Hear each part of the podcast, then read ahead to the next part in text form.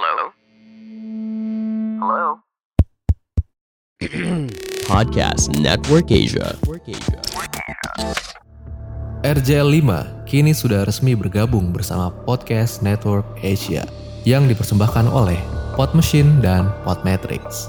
Untuk mempelajari lebih lanjut tentang network kami, ikuti Podcast Network Asia di media sosial atau langsung mampir ke websitenya di podcastnetwork.asia.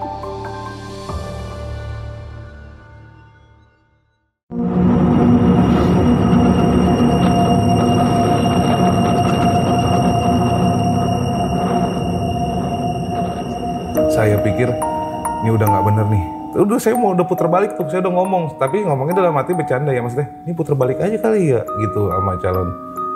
Kayaknya enak kena sono nih gitu. Karena saya mikir nih ke depan udah nggak beres karena saya lihat di mapnya itu di jalanan hutan itu masih lima jam lagi saya keluar. Jadi posisi habis belokan, ada lurusan, dia berbaris di situ. Yang pertama saya lihat itu kepalanya, bentuk kepalanya. Bentuk kepalanya itu kayak bawang putih kayak bawang putih itu bawahnya itu besar, atasnya lancip. Mata, bola matanya itu saya juga baru ngeliat itu bola mata segede gitu. Aslinya. Segede apa? Segede bola tenis kayaknya itu. Gede loh kalau mata keluar itu. Dia keluar ke bawah itu saya ingat sampai tiga harian. Terus saya selalu ingat itu orang.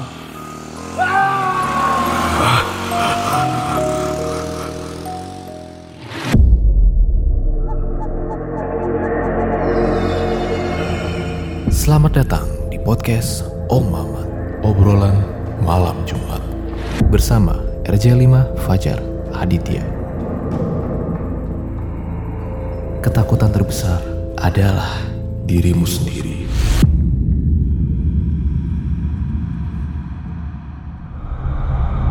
Kembali lagi bersama gue Fajar Ditya kali ini di Om Mamat season 4. Nah,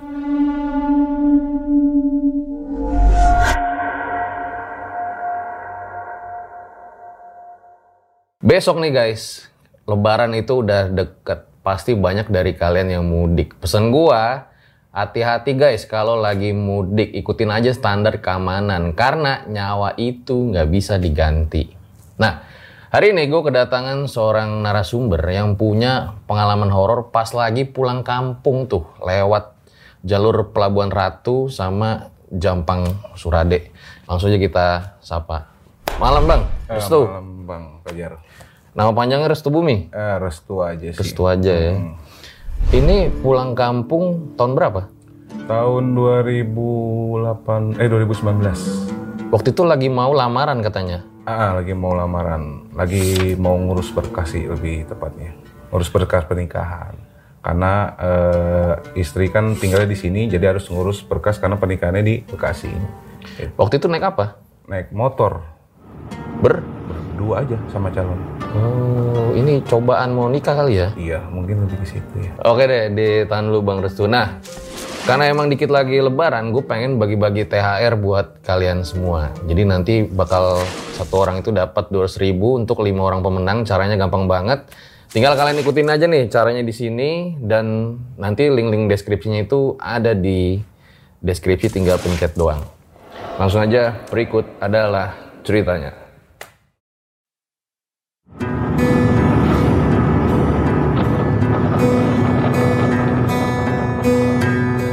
Ya bro, boleh diceritain awal mulanya kayak gimana? Eh, awal mulanya tuh jadi eh, saat gua mau eh, persiapan pernikahan dengan bini gua.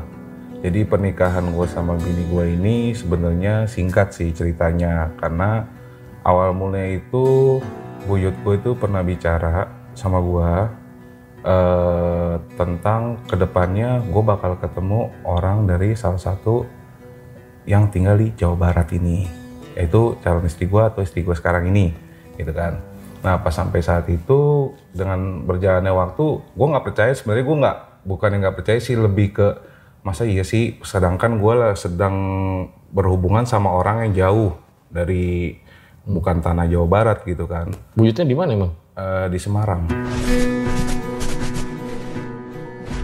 Akhirnya berjalannya waktu, gue ketemu lah tuh sama calon istri nih, istri gue sekarang. Gue ketemu, saat itu ketemunya itu singkat. Jadi dari sebelumnya ini sampai dengan sebelumnya ini orang gue ketemu sama calon istri gue ini sekarang. Nah gue ketemu itu singkat perjalanan yang nggak ada waktu lama gue singkat kayak di luar pikiran aja kok gue bisa sih ketemu sama lo bahkan istri gue pun berpikir kok gue bisa ya ketemu sama lo gitu. Dalam artian oh mungkin gue mikir ini jodoh mungkin ya gitu.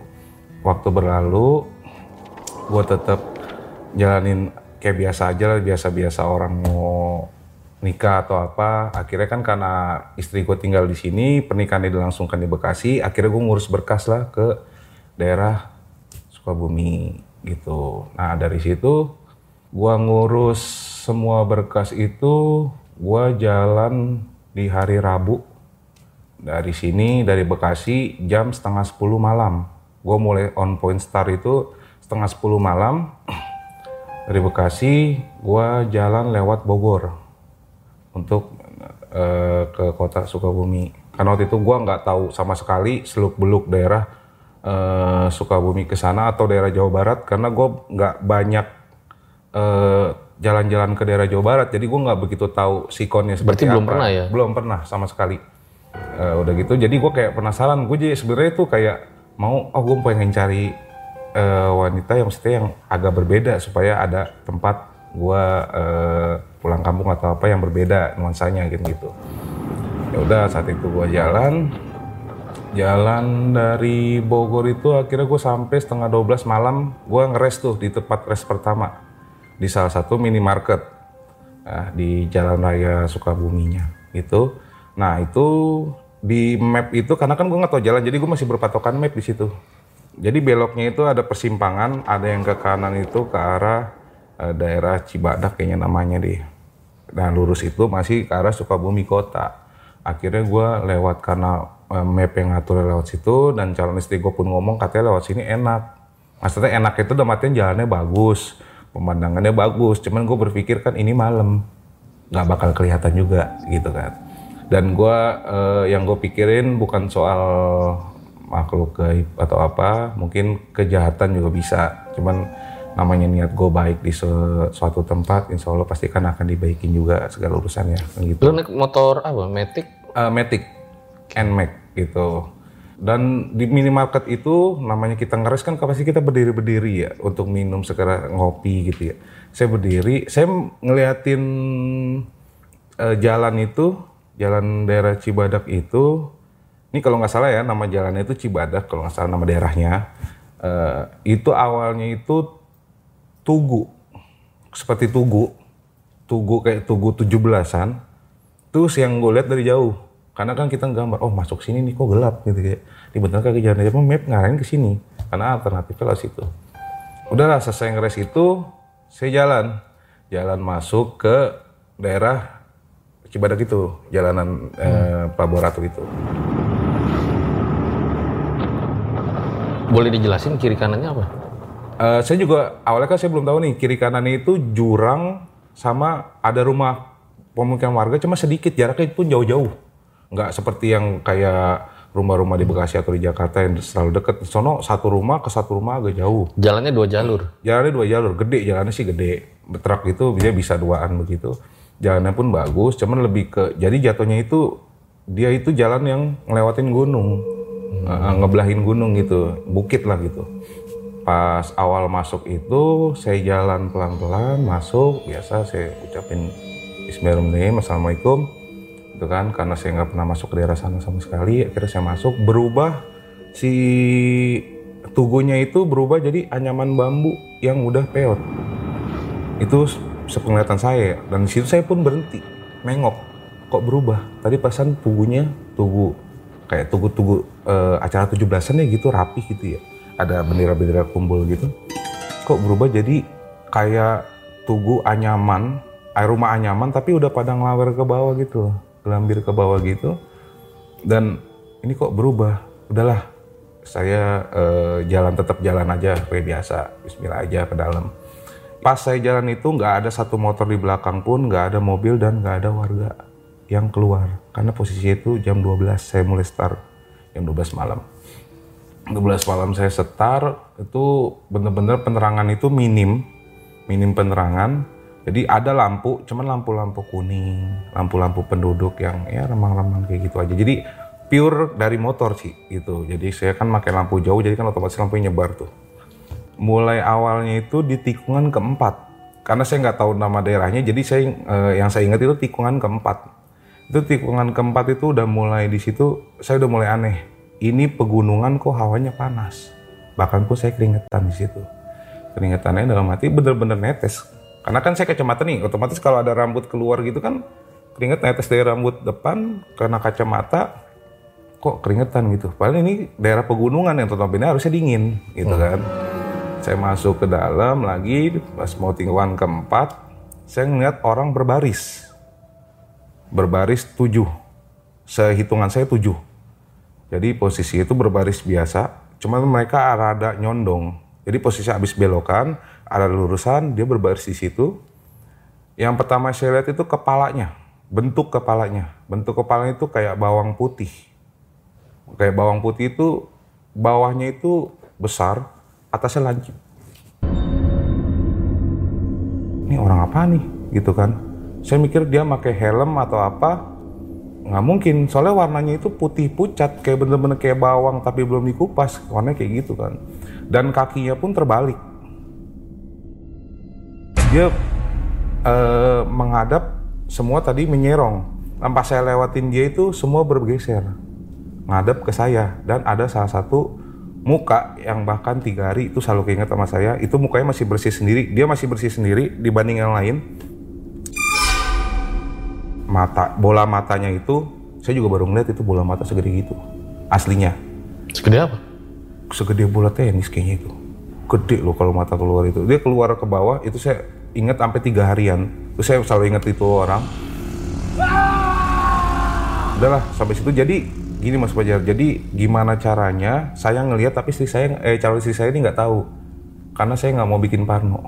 Gitu. Jadi saya ngelihat hal-hal kayak gitu tapi istri saya ini harus nyaman juga. Jangan saya kasih tahu takutnya kenapa-napa di jalan karena saya nggak tahu treknya belokannya kapan eh, kedalaman jurangnya berapa saya belum tahu. Jadi saya di situ batas-batas motor itu pelan sih masih dalam kayak berjalan di dalam kota deh. Nggak ngebut-ngebut gimana masih standar aja sih gitu. Udah gitu saya jalan lagi lebih ke dalam lagi dan makin gelap posisi itu. Ada rumah eh, rumah penduduk satu rumah penduduk dua tapi saya lihat nggak ada orangnya semua. Apa mungkin karena saya udah malam mungkin tidur ya? Tapi selogikanya itu se sepi-sepinya kampung pasti ada hansip yang keluar satu. Minimal ya. Ada orang yang ronda deh minimal. Karena itu kan daerah sepi. Akhirnya saya berpikir oh mungkin daerah ini rawan atau apa? Makanya nggak ada orang ngejaga. Apa mungkin orang-orang di sini tuh eh, nggak ada sistem ronda mungkin ya gitu saya jalan ke dalam ketemu kebun teh. Nggak lama jadi kan kalau motornya Nmax itu kan eh, apa namanya lampu depannya itu kalau kita pakai lampu jauh lampunya jadi nyebar. Jadi setiap ada saya mau tikungan dia mantul dia pasti ngarah ke atas eh, mencar ke atas gitu lampunya. Saya jalan saya udah rasa saya tuh udah nggak enak di atas kepala nih pasti ada apa-apa gitu. Soalnya kenapa? Setiap saya ngelewatin belokan dia tersorot terus dan berada di posisi bayangan bawah saya bayangan bawah motor. Ini ada yang aneh di atas nih. Tapi gimana caranya? Si calon si saya ini nggak nengok ke atas juga. Takutnya dia ngeliat juga. Jadi saya beralibi pas banget tuh ada momennya. Ada batu gede. Itu gede banget batunya. Kayak batu jatuh dari gunung apa-apa gitu pas banget si lampu itu kena ke lampu. Jadi dia nyorotnya lebih terang ke atas. Ada pohon besar itu pohon besar Eh, akhirnya saya punya ide wih pohonnya bagus ya gini-gini ya tinggi maksudnya akhirnya saya ngeliat ke atas itu ada kuntil anak merah dan saya pun baru tahu merahnya kayak merah-merah terang, bukan merah marun ya, merah terang gitu, terang bener-bener dia tuh terbang, lidahnya itu sampai ke ubun-ubun saya, panjangnya. Jadi dia terbang, merangkap begitu, dia terbang, lidahnya itu sampai ke ubun-ubun. Jadi mulutnya itu mangap besar, itu sudah saya pastikan itu cowok, bukan cewek. Kenapa saya bisa bilang begitu? Tangannya besar. Ya, nanti dia ke kenapa saya bilang bener saya saya bilang cowok nanti di jalanan terakhir dia ada lagi gitu makanya saya saya udah bilang ini cowok nih pasti gitu kan saya jalan gak lama tuh cuman dua menitan dia berada di atas tuh tuh saya udah mulai kagok naik motor saya mungkin takut lah gitu ya. Dalam artian nggak mungkin kan saya nggak shock ngeliat seperti itu. Pasti kan saya kaget intinya. Itu kiri kanan ada yang lalu lalang apa? nggak ada sama sekali. Jadi sepanjang perjalanan saya sampai ujung itu nggak ada mobil sama sekali. Nggak ada orang sama sekali gitu intinya. Jadi pas dari kuntilanak itu saya mulai kaget nih. Itu udah bawa udah nggak pikiran udah ke mana-mana tuh. Udah ngawur gini-gini. Takutnya dia nyelakain ya kan? Kita kan nggak tahu apa mungkin saya ada salah atau apa gitu. Dan saya pun langsung ngomong ke calon istri saya nih tapi sambil guyon eh, kamu lagi ini ya PNE, PMS ya? Gitu. Enggak kok gitu. Saya takutnya kan namanya cewek gitu kan ada ada mengundang Bu Amis. Ini kuntilanak kenapa ngikut? Kan gitu pertanyaannya dalam benak saya tuh tapi saya nggak nyudutin kalau saya ngeliat sosok itu gitu makanya saya biasa aja masih guyon-guyon cerita-cerita. Nah pas di tengah jalan ini tuh kayak udah ngerada tengah deh itu tengah. Sisi saya ini udah mulai ngantuk. Udah mulai tidur tidur ayam. Helmnya itu udah matok-matok ke helm saya. Itu kan udah tidur tadi udah mata melek mata melek akhirnya kan karena saya nggak ada yang ngajak ngobrol saya udah ngerasa Wah, harus fokus nih sama jalan. Jadi saya setiap tikungan itu saya kaget. Kaget itu bukan berarti ini tikungan tau dadakan begitu. Jadi saya takut nyeblos juga takut ngantuk kan akhirnya saya istri tuh eh, calon istri tuh maaf inisiatif udah ngeres aja dulu kalau emang ngantuk. Karena saya udah jalan itu udah ngerem dikit-dikit ngerem kayak orang kaget-kaget eh, apa namanya kaget-kaget ngantuk lah gitu kalau tiba-tiba ah udah belok kan kaget gitu. Nah udah gitu jalan ke tengah saya ngeres lah di salah satu ada warung yang buka satu. Bukan warung sih jatuhnya itu kayak warung ada ada enggak enggak kalau bahasa saya ya kalau orang Bekasi bilang ada ada enggak enggak tuh yang jualannya tuh cuman biskuit susu sama temulawak Di pinggir jalan ya? di pinggir jalan. Eh saya jalan, wah ada warung tuh. Saya ngeliat pertama dong, sini deh, gak apa-apa, kali kopi ada kan gitu. Sebenarnya kopi aja sih saya butuhin. Gitu. Akhirnya saya standari motor, kan kalau motor-motor sekarang itu kan di standarin mati ya. Jadi standar satu itu mati. Nah saya belum nurunin standar ke tanah itu. Itu ibu-ibu lagi madep ke ngebelakangin saya, ngebelakangin saya berhenti, dan ibu itu langsung ngadep ke saya. Itu apa ya saya bilang ya? Bukannya saya gimana gimana ya? Itu merawat mukanya rata, semua rata. Nggak ada ekspresi apa, nggak ada apa. Saya bingung tangannya cuma tiga jari. Dia di atas meja adanya. Jadi modelnya tiga doang tangannya. Dan itu saya langsung kepikiran nih sama dulu teman saya pernah bilang waktu dia ngeres di puncak ada warung yang ada dan enggak. Maksudnya yang buka tuh kalau malam doang. Gitu loh. Wah, kenapa nih? Itu kok ibu-ibu begitu mukanya gitu kan? Tapi saya nggak ngomong karena si calon si saya ini belum ngeliat ke situ, masih ngeliat sekitar. Ada orang apa enggak sih gitu? Maksudnya takut antara takut dibegal juga, takut pikiran lebih parah kan? Akhirnya saya langsung alibi naikin lagi standar, starter. Jadi situ deh cari Alfamart siapa tahu ada gitu kan. Eh, kayaknya nggak ada kopi itu mah warung-warung ada ada nggak gitu kan. Udah jalan saya jalan juga, Udah tuh saya jalan kata dia, kenapa emang? Ada kopi kok di situ. Saya alibi juga, rokoknya nggak ada tuh kayaknya, gitu. Jadi saya alibi terus tuh. Jadi gimana caranya? Jadi si istri mungkin ngeliat, tapi saya tanya dia sih pas agak jauhan dari situ, Padahal ibu-ibunya udah nungguin di depan loh. Berarti dia ngeliat poster itu ibu-ibu biasa. Bukan apa yang gue lihat. Gue berpikir, nih gue halu kayak nih. Gitu. Gue lebih ke apa namanya imajinasi gue berlebihan kayaknya nih ya. Sepanjang jalan tuh gue mikir, nih gue kok ngeliat-ngeliat kayak gini terus ya. Apa mungkin mungkin ya pikiran gue gue nggak diterima mungkin di sini ya sama eh, penunggu-penunggu di sini karena gue baru pertama kali dan niat gue kan emang langsung ke acara sakral ya gitu. Ini jam berapa nih udah? eh itu pas di dalam itu udah setengah jam satuan, setengah satu jam satuan, nggak lama sih masih belum lama. Akhirnya saya eh, berjalan lagi, terus pikiran udah mulai kacau ke mana-mana gitu. Eh, di situ bener-bener, udah saya nggak karuan nih di pikiran udah mau puter balik pulang tapi nanggung eh, lewat jalur lain tapi udah jauh juga jalannya gitu sampai tengah nggak mungkin saya muter lagi lewat kotanya kan sebenarnya bisa lewat kota Sukabumi cuman katanya lebih asik lewat sini tapi saya juga dalam arti penasaran pengen lihat laut dari atas sini laut Pelabuhan Ratu karena kelihatan katanya dari situ kayak saya penasaran itu yang saya bikin lewat situ Gak lama saya jalan itu ada nenek-nenek nyebrang bang.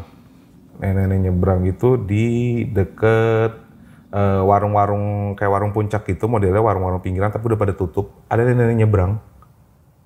Dan nyebrangnya itu dia maju ntar mundur lagi. Tapi saya jaraknya masih jauh karena itu lurusan. Saya mainin dim motor dong. Eh, untuk ngasih tanda sebenarnya.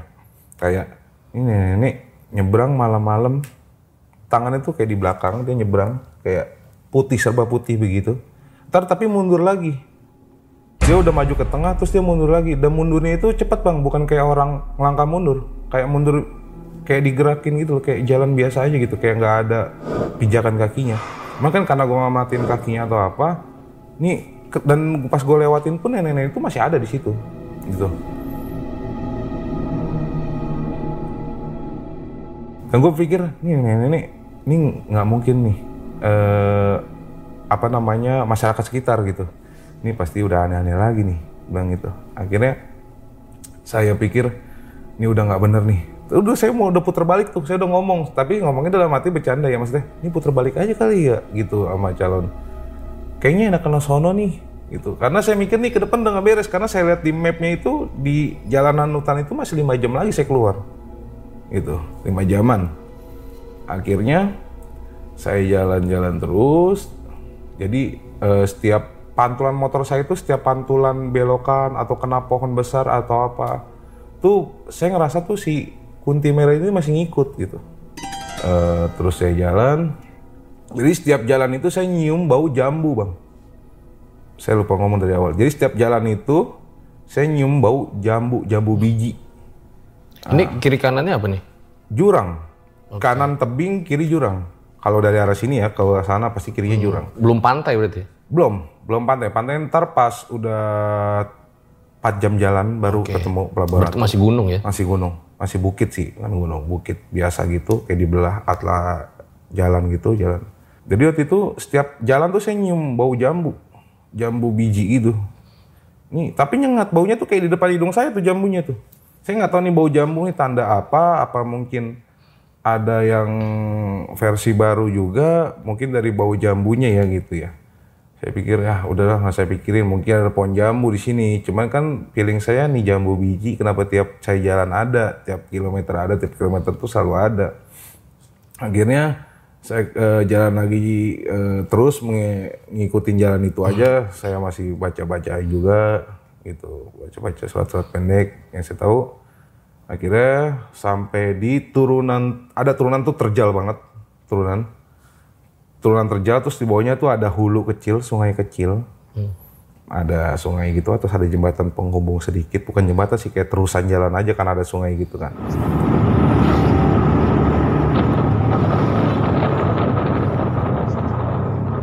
Saya jalan nanjak lagi tuh saya, nanjak lagi, nanjak ke jalan yang selanjutnya. Nah itu baru ketemu pertigaan banyak orang.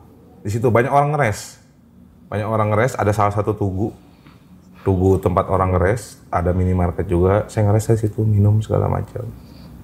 Ada satu orang, AA, AA saya nyebutnya ya orang sana. AA itu tuh istri saya, eh, calon istri saya itu masuk ke dalam beli minuman segala macam. Saya masih ngulet lah apa kalau motor kan gitu. Si AA ini ngomong, kenapa mas di jalan? Tuh saya nggak kenal sama dia. Maksudnya kenapa gimana bang?